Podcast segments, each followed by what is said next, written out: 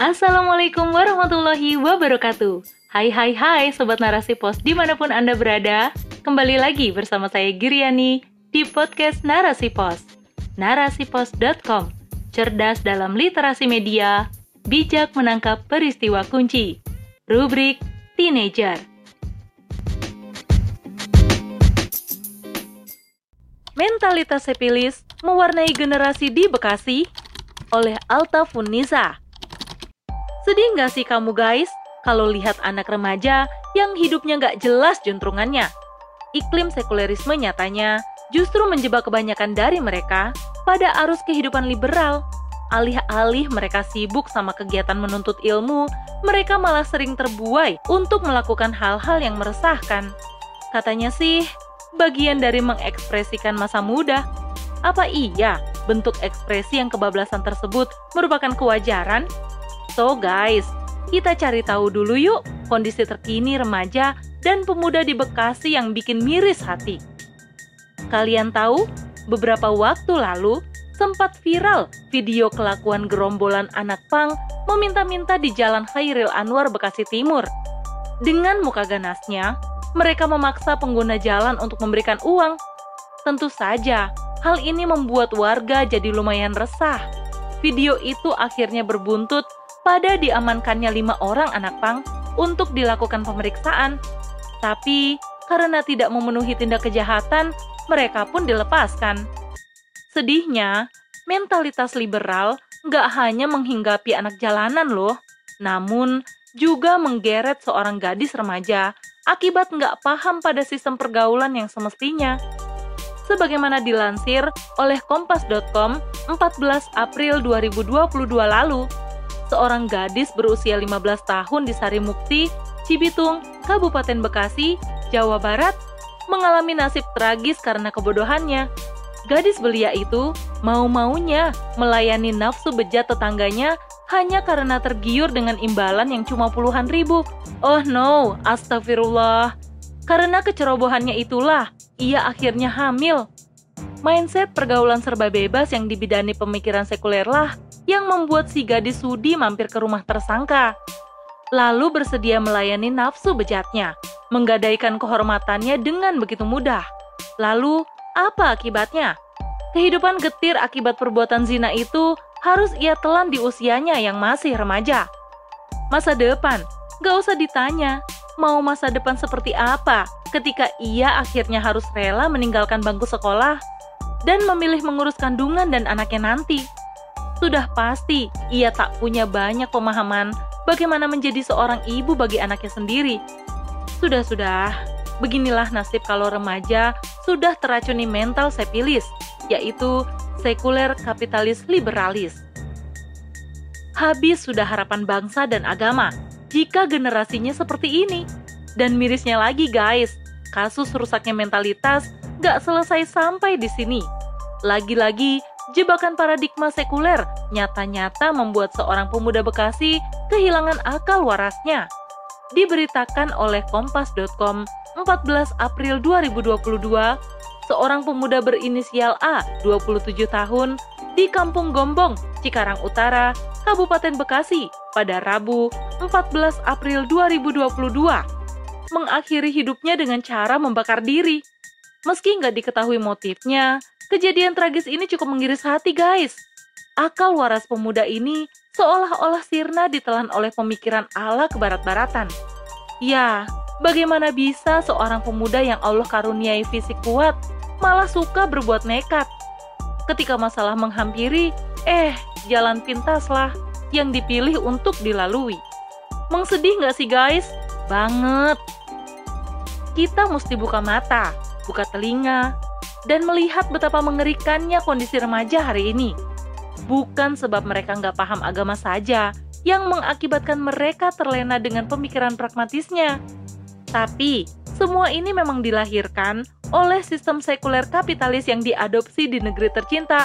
Wadidaw, tahulah ya, ini sistem yang lahir dari terbatasnya akal manusia. Sistem ini pasti akan melahirkan berbagai macam kerusakan. Cara berpikir bebas inilah yang membuat remaja, khususnya yang ada di Bekasi ini, kebablasan dalam bergaul. mereka tanpa sadar terjerumus di lubang-lubang kemaksiatan. Gaya hidup hedonis pun tidak luput membuat mereka acuh tak acuh terhadap nasihat. Masa muda harus dinikmati, pokoknya yang penting happy. Nafsu diumbar, endingnya ambyar. Innalillahi wa inna ilaihi roji'un. Sekulerisme tadi juga telah membuat kurikulum di sistem pendidikan negeri kita berkiblat pada pemisahan agama dari kehidupan. Wajar kan ya, mereka dididik hanya untuk menjadi penghamba materi, sekolah untuk mengejar nilai tinggi agar bisa mendapatkan pekerjaan dengan posisi yang diingini. Biar apa? Ya biar hidupnya enak, mendapatkan materi yang mendukung kehidupan dunianya seperti mimpi. Walah-walah, hidup itu kan gak cuma sekedar hidup ya guys, karena hidup untuk menyiapkan kehidupan selanjutnya. Wajar saja, akhirnya remaja terkungkung pada kehidupan bebas ala kapitalisme.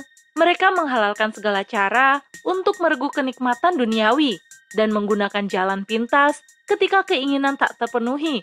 Semua hal tersebut juga didukung dengan kondisi masyarakat yang gak peduli. Ya, namanya juga masyarakat sekuler. Peduli apa dengan nasib para remaja? Hidup aja serba susah. Buat apa harus nambah susah dengan memikirkan mereka? Masyarakat sekuler sering kali hanya memedulikan sesuatu yang sudah terjadi, Ketika melihat anak-anak remaja yang tengah hahaha di pinggiran jalan, malah dibiarkan. Melihat mereka berduaan, justru katanya hal biasa. Ketika sudah ada kasus hasil zina, lah baru heboh mereka. Itu pun di awal-awal ketika kasus ditemukan. Selanjutnya, ya biasa aja. Pergaulan bebas, zina, pendidikan sekuler, sudah jadi hal yang biasa dan lumrah. Dan seolah harus diterima sebagai buah dari kehidupan akhir zaman. Nggak ada gitu upaya serius dari masyarakat untuk bisa memerangi kemaksiatan yang ada di tengah-tengah mereka, khususnya yang menimpa kaum remaja. Lah, miris kan? Lebih-lebih lagi nih guys, negara ini nggak menerapkan syariat Allah secara sempurna. Alih-alih meliriknya sebagai salah satu sistem yang akan diterapkan, justru mereka kukuh banget sama sistem sekulerisme besutan barat yang sudah pasti bikin banyak jeratan. Ah, kita kan tahu siapa yang membuat kurikulum pendidikan dan undang-undang. Kalau aturan itu lahir dari cara pikir sekuler, ya pasti melahirkan kehidupan yang liberal. Karena memang asas kehidupan kapitalisme sekulerisme itu adalah kebebasan. Bebas apa saja.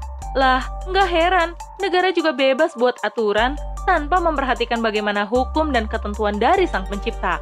Ah, Boro-boro mereka ingat nasib remaja. Keran produk-produk barat yang liberal itu justru dibuka lebar-lebar demi meraup keuntungan. Apa contohnya?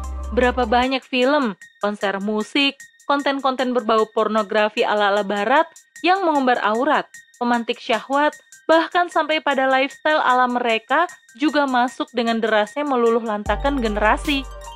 Oh guys, nggak bisa kita ini berharap pada sistem hari ini kita harus move on.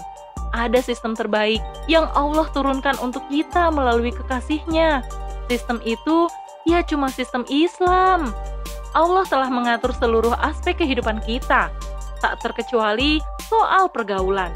Di dalam Islam jelas, seluruh aktivitas manusia itu harus terikat dengan hukum syara, termasuk para remaja. Usia mereka adalah usia balik yang sudah dikenai beban hukum syara kompas pahala dosanya sudah menyala. Nggak boleh asal suka, ada aturannya. Laki-laki dan perempuan, kalau di kehidupan umum, mereka harus terpisah. No kholwat, no ihtilat. Nggak ada istilah campur baur, hahaha segerombolan laki-laki dan perempuan. Apalagi berdua-duaan, no way, jelas haram hukumnya. Berdua-duaan sama dengan mendekati zina, apalagi sampai berzina. Nauzubillah, Sanksinya nggak main-main loh, ada hukum cambuk menanti. Sistem pendidikan dalam Islam pun super keren. Dengan basis akidahnya, sistem pendidikan punya visi misi akhirat. Enggak hanya sekedar bisa melahirkan generasi cerdas yang punya kemampuan sains teknologi yang unggul, tapi lebih dari itu. Sistem pendidikan Islam harus mampu mencetak generasi yang memiliki kepribadian Islam. Cara pikir dan sikap mereka selalu sejalan dengan syariat Islam, mereka akan paham mana halal, mana haram. Mereka akan senantiasa menjaga pikiran dan aktivitas mereka dari kemaksiatan. Mereka akan sibuk untuk menyiapkan diri menjadi pribadi yang dirindu surga, sebab mereka paham bahwa masa muda mereka akan dimintai pertanggungjawaban. Nabi Shallallahu Alaihi Wasallam bersabda, "Tidak akan bergeser kaki manusia di hari kiamat dari sisi robnya, sehingga ditanya tentang lima hal, tentang umurnya, dalam apa ia digunakan, tentang masa mudanya, dalam apa ia habiskan, tentang hartanya, dari mana ia peroleh, dan dalam apa ia belanjakan, dan tentang apa yang ia amalkan dari yang ia ketahui atau ilmu. Wallahu a'lam bishawab.